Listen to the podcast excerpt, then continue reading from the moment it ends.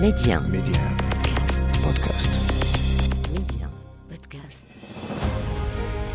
يقال من لا تاريخ له لا مستقبل له والتاريخ المغربي ماض مجيد يحفل بالوقائع والأحداث أفتح معكم أنا محمد الغول كتابه وأختار لكم منه كل أسبوع صفحة من صفحاته المشرقة صفحات من التاريخ ميدي 1 محمد الغول تاريخ المغرب أهلا بكم.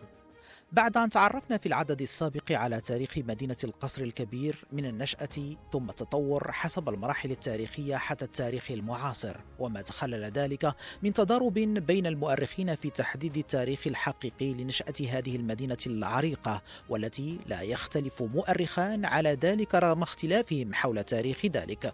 وأشرنا إلى أن موقع المدينة الوسيط بين مدن مغربية رئيسة وأكد مجاورتها لوادي المخازن أحد مواد موارد نهر لوكوس على الضفة الشمالية وتوسطها كذلك لسهل خصيب منتج غزير الإنتاج الفلاحي.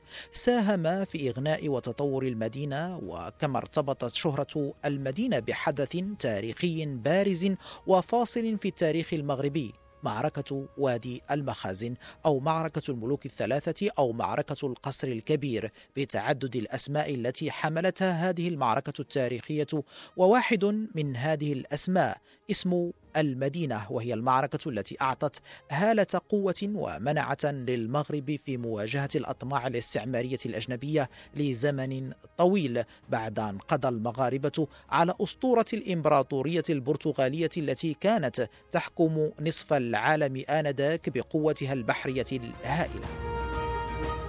وكما أشرنا إلى أن بداية التطور الحقيقي لمدينة القصر الكبير ارتبط بالدولتين الموحدية وبعدها المارينية حيث شهدت خلال عهد الدولتين تطورا عمرانيا وحضاريا كما علميا ومعرفيا. نواصل الغوص في هذا التاريخ تاريخ هذه المدينة المظلومة في تاريخها من خلال مرحلتها الحديثة مرحلة الاستعمار الإسباني.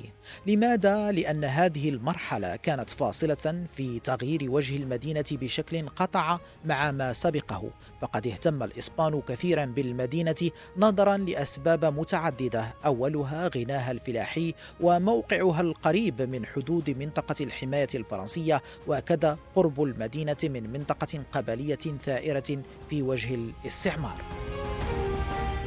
الإسبان دخلوا محتلين القصر الكبير بتاريخ شهر يونيو من العام 1911 أي عاما قبل توقيع الحماية الفرنسية ولم يكن هذا الاحتلال سهلا يسيرا على الإسبان. فقد كان في أجواء عنيفة تميزت بفوضى من التقتيل وأعمال السرقة والنهب. سرعان ما تمكن السكان من تجاوزها والانتظام للمقاومة. فكانت معركة العنصرة بتاريخ شهر يوليوز من العام 1913 هذه المعركة التي كانت بالنسبة للإسبان جرس إنذار لما ينتظرهم رغم تمكنهم من الانتصار فيها معتمدين على فارق العتاد والذخيرة والعدد والخبرة العسكرية. فصارع الإسبان لتغيير استراتيجيتهم في المنطقة باعتماد سياسة المهادنة للساكنة وإظهار حسن نيتهم واستعدادهم للتعاون وتزويد المدينة بكل ما تحتاجه من بنيات. فتم تعيين أسيدرو دي لاسكاخياس مراقبا عاما للمنطقة. فأقر سياسة مدنية غيرت وجه المدينة مدينة القصر الكبير بشكل كامل حيث بدأت سياسة التخطيط العمراني من خلال إصلاح المدينة وتصميم عمرانها بشكل حديث كما تم البدء في إنشاء ساحات وحدائق ومؤسسات تعليمية وصحية وثقافية من أبرزها مسرح. فتحول وجه المدينة إلى مدينة حديثة وعصرية. المسرح المقصود هنا هو مسرح ألفونسو الثالث عشر الذي دشن عام 22 900 وألف. وقد تم لاحقا تغيير اسمه إلى بيريث كالدوس. هذا المسرح سيتحول إلى قطب استقطاب ثقافي في المدينة في البداية. كانت إسبانية صرفة لكنها بالتدريج انفتحت على فرق مسرحية محلية من أبناء المدينة. المراقب العام الإسباني لاسكاخياس كان من الذكاء بحيث مزج في استمالته لساكنة القصر الكبير ما بين القديم والحديث.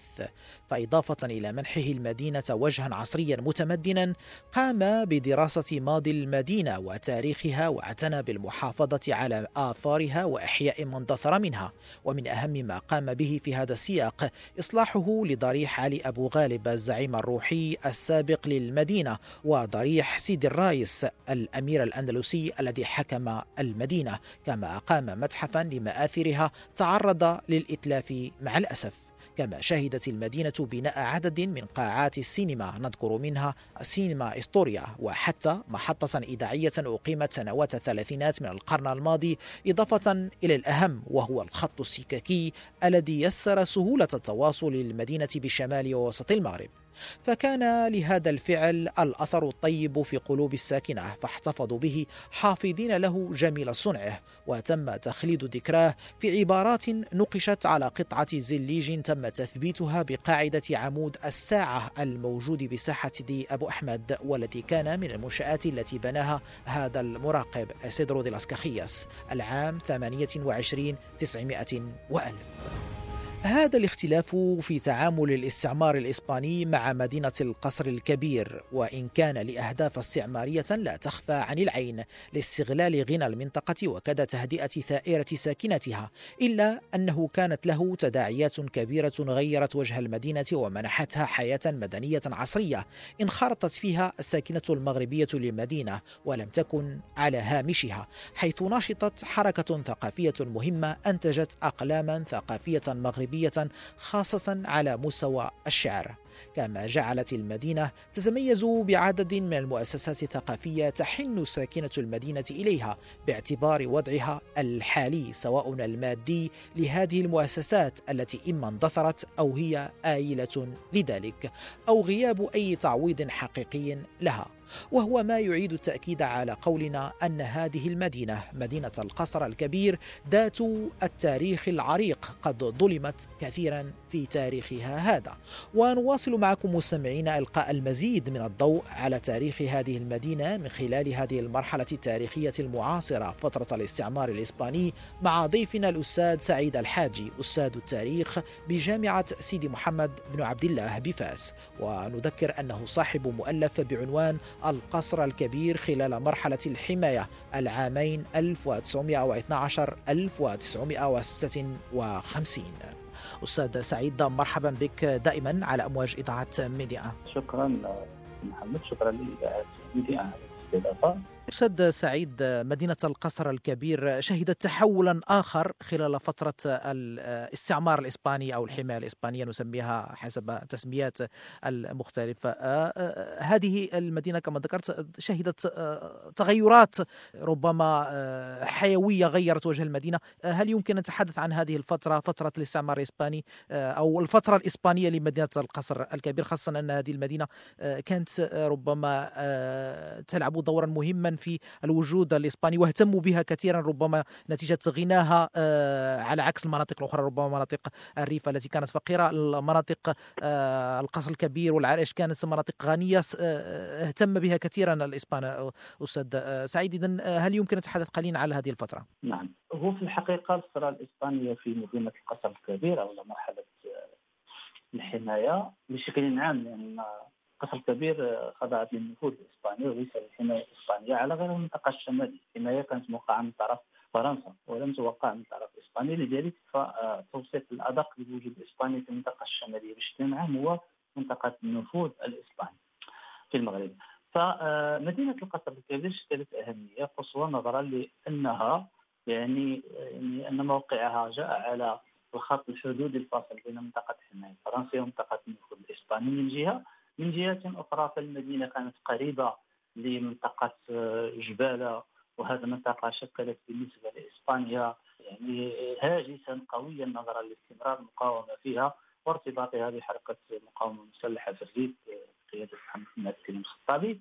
المدينة أيضا بحوض لوكوس وهذا الحوض ربما من بين السهول آه، الوحيدة التي كانت تتوفر على إمكانيات فلاحية. ضخمة وكان الإسبان يعني يضعونها في آه، صلب اهتمامهم بالنظر لما تتوفر عليه كما قلت من مؤهلات وموارد فلاحيه فهذا الأول من الوجود الإسباني في المدينة. كما قلت كان هو يعني ضبط هذه المدينة والسيطره عليها لتحقق الاهداف الاخرى لذلك اشتغلت على تأهيل المدينة من الناحية الحضاريه عبر بناء مدينة جديده وإيجاد فضاء لتوسعة لبناء هذه المدينة. قصد خلق جاذبية تشجع المؤمرين الاسبان على القدوم إلى المدينة وبنت مدينة عصرية وساهمت بشكل كبير في تغيير ملامح المدينة ونتحدث هنا ليس عن المدينة العتيقه التي المدينة التاريخية التي حافظت على خصوصيتها انما نتحدث عن مجال حضاري جديد تم بناؤه في الفترة الاستعمارية. هذا المجال الحضاري الجديد الذي لم يكن مهمته تقتصر فقط على كما قلت خلق الجاذبيه التي تحفز معمر الاسبان على الاستقرار وإنما أيضا هو محاولة لاستدراج المجتمع المحلي إلى الانفتاح على الثقافة الإسبانية لأن ذلك من شأنه تخفيف التكلفه تكلفه الاستعمار وتحويل الاستعمار من استعمار عسكري بالقوة إلى نوع من التعايش ما بين الساكنة المحلية والإسبان. فبعض المرافق التي بناها الإسبان والتي كانت لديها خصوصية أوروبية مثل المسرح مثل النادي العسكري مثل مجموعة من المرافق كانت قريبة جدا من المدينة العتيقة. وأيضا استغلت ذلك الفضاء الشاسع بين ملاعب بوغالب ضريح ملاعب بوغالب والمدينة العتيقة لأن هذه المسافة كان يقطعها القطريون من المدينة العتيقة إلى ضريح ملاعب بوغالب كانت خالية فقامت الإدارة الإسبانية بتهيئتها وبالتالي يعني كان هناك شارع رئيسي يعبر منه القصريون من مدينة عتيقة إلى مريون هذا العبور هو كان بمثابة سفر في الزمن لأنه هو انتقال من المدينة القديمة التاريخية بنمط عيشها التقليدي بمرافقها المعروفة بإيقاع حياتها الذي كان مستقرا لقرون عديده الانتقال من هذا الزمن إلى زمن آخر زمن البنايات الأوروبية الشوارع الفسيحة الإنارة إلى غير ذلك والوصول إلى الوالد. بالتالي فكانت إسبانيا استغلت بذكاء هذا المجال من أجل آه، آه، أن تفرض يعني بين مزدوجتين وبصيغة ذكية تفرض المرور من هذا من هذا المجال الحضاري الجديد وهذا ما جعل القصريون يحسون بالتفوق الحضاري الإسباني ويحسون أيضا آه، يعني قوة هذا المستعمر وهذه بطبيعة الحال كانت من بين رسائل الحضارية ومن بين الأهداف التي توختها الإدارة الاستعمارية. فتدريجيا بدأت البنيات الثقافية والبنيات الاجتماعية وحتى البنيات الاقتصادية يعني المناطق الاقتصادية الجديدة الأسواق العصرية والمقاهي إلى غير ذلك كلها كان لها تأثير على إيقاع الحياة اليومي للساكنة المحلية. وبالتالي فالوجود الإسباني في المدينة أفضى خلال أربعة عقود إلى تغيير واقع المدينة بشكل كبير جدا. وأعتقد بأنه آه، إذا كان هناك آه، تحقيب المعروف يقسم الزمن أو التاريخ إلى حقب آه، قديم وسيط حديث ومعاصر. فأعتقد بأن مدينة القصر الكبير ظلت تعيش في العصر الوسيط إلى حدود قدوم الإسبان ودخلت في التاريخ المعاصر. عكس التحقيق الذي يؤرخ للتاريخ المعاصر أو للحقبة المعاصرة في القرن التاسع عشر. وبالتالي لا يمكن هنا أن نتحدث عن فترة وسيطة في تاريخ فترة معاصرة في تاريخ المدينة مدينة قصر الكبير قبيل الوجود الإسباني لذلك هذه الفترة كما قلت هي فترة مهمة جدا وشكلت نموذجا آه، يمكن دراسة آه، أو يمكن من خلاله دراسة أستاذ سعيد في إطار حديثك على التغيير الذي شهدته مدينة القصر الكبير خلال فترة الاستعمار الإسباني وأن الإسبان ربما فرضوا انتقالة ثقافية وعمرانية آه، تشبه الصدمة آه، على ساكنة مدينة القصر الكبير. المدينة ربما خلال هذه الفترة شهدت كذلك ظهور ربما صناعات وحتى من الناحية الاقتصادية ربطها بشبكة السكة الحديدية. ربما هذه من المتغيرات الكثيرة التي دخلت على المدينة وغيرت ربما حتى طبيعة آه، المنطقة بالكامل آه، أستاذ سعيد. صحيح لأن آه، لأن عندما نتحدث عن التهيئة الحضرية فهي ليست فقط تهيئة مادية وإن حتى لا تفضي فقط إلى تغيير ملامح المدينة أو بعض الإضافات على المستوى المجالي أو الترابي وإنما حتى على المستوى الثقافي على المستوى المجتمعي. لنأخذ مثلا عندما نتحدث عن المقاهي قد يبدو بأن احداث مثلا المقاهي كفضاءات لتجمع الاشخاص للترفيه أو النقاش أو إلى غير ذلك بهذه الوظائف والمستهدف بها كان هو المعمرون الاسبان إلا أن إنه تم استدراج فئات خصوصا تلك الفئات من الشباب الذين نشأوا خلال مرحلة الاستعمار. استدراجهم للانخراط في هذا النسق الاستهلاكي إن صح التعبير الجديد. هذا النسق سيغير وتيرة الحياة اليومية سيغير إيقاع الحياة اليومية. آه، عندما نتحدث عن السكة الحديدية فنتحدث عن تلك السلاسة التنقل من منطقة إلى منطقة وبالتالي سلاسة مرتبطة بتنقل الأشخاص سلاسة مرتبطة بتنقل البضائع.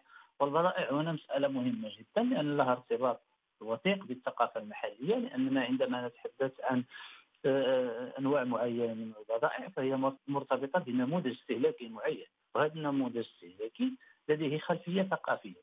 وعندما نتحدث على سبيل المثال عن اللباس القصري قبل مرحلة الاستعمار الإسباني فهو ليس ذلك اللباس القصري خلال مرحلة الاستعمار الإسباني لأنه تم يعني آه، الانفتاح على الزي الأوروبي وبالتالي هنا نتحدث عن يعني آه، عنصر مادي واللباس أدى إلى تحول آه، على مستوى العناصر الثقافية في ثقافة المدينة. وهنا تلك العلاقة الوثيقة بين ما هو مادي وما هو رمزي أو بين ما هو ما هو اقتصادي وما هو ثقافي.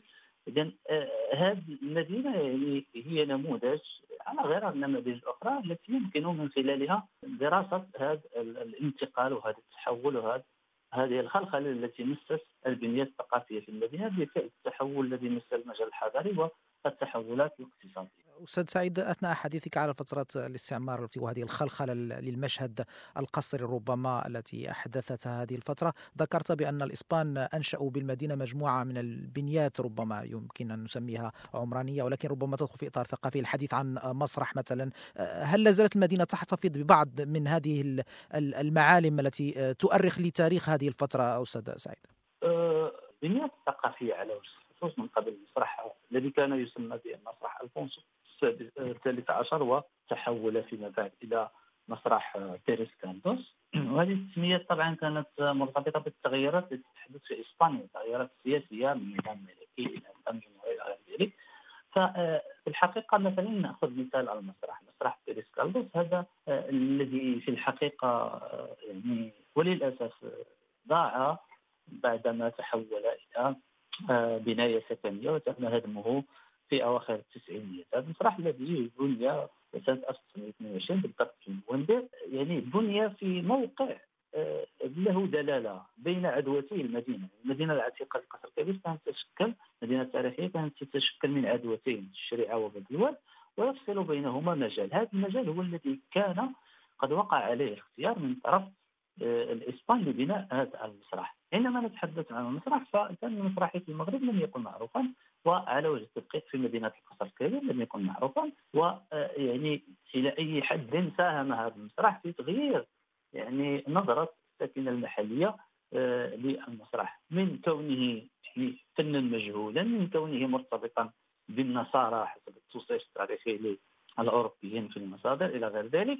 تحول أيضا إلى قبلة إلى قبلة للساكنة المحلية وتحول أيضا إلى آه، فضاء تقام في أنشطة مسرحية من من تأليف ويعني إنتاج وتشخيص جمعيات مغربية مهتمة بالمسرح خلال تلك الفترة، اذا وهذه ليست مسألة بالهينه لأننا نتحدث عن بنية ثقافية آه، جامدة استمرت لقرون قائمة على ما هو ديني قائمة على ما هو تقليدي إلى غير ذلك. فيحدث هذا الانتقال إلى ممارسة فن آخر مرتبط يعني بمجتمع آخر وبثقافه أخرى في فتره آه، يعني قصيرة. فهذا الدور ليس دورا سهلا وهذا التأثير ليس تأثيرا هينا.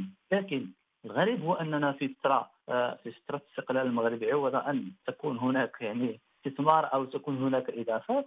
يعني تعرض هذا المسرح للإهمال وكان آه، يشتغل كقاعه للسينما إلى حدود التسعينيات حيث تم هدم المسرح وتم بناء عمارة سكنية محله إذا هنا نتحدث عن الإرث الكولونيالي الذي كان من الممكن أن يستفيد منه المغاربة لكن للأسف يعني كان مآله يعني الهدم والزوال وبالتالي تعرضت المدينة لخسارة على مستويات متعددة خسارة جزء من تاريخها. خسارة آه، معلمة مهمة جدا وخسارة فضاء لفن له أدوار ثقافيه مجتمعيه متعددة. الأستاذ سعيد الحاج أستاذ تاريخ بجامعة سيدي محمد بن عبد الله بفاس جزيل الشكر لك على هذه المعطيات القيمة حول تاريخ هذه المدينة مدينة القصر الكبير. بارك الله فيك شكرا جزيلا. الشكر موصول لكم مستمعينا وأذكركم أنه يمكنكم متابعة كل أعداد تاريخ المغرب عبر تحميل تطبيق ميدي إن بودكاست. إلى اللقاء. ميدي 1 محمد الغول تاريخ المغرب.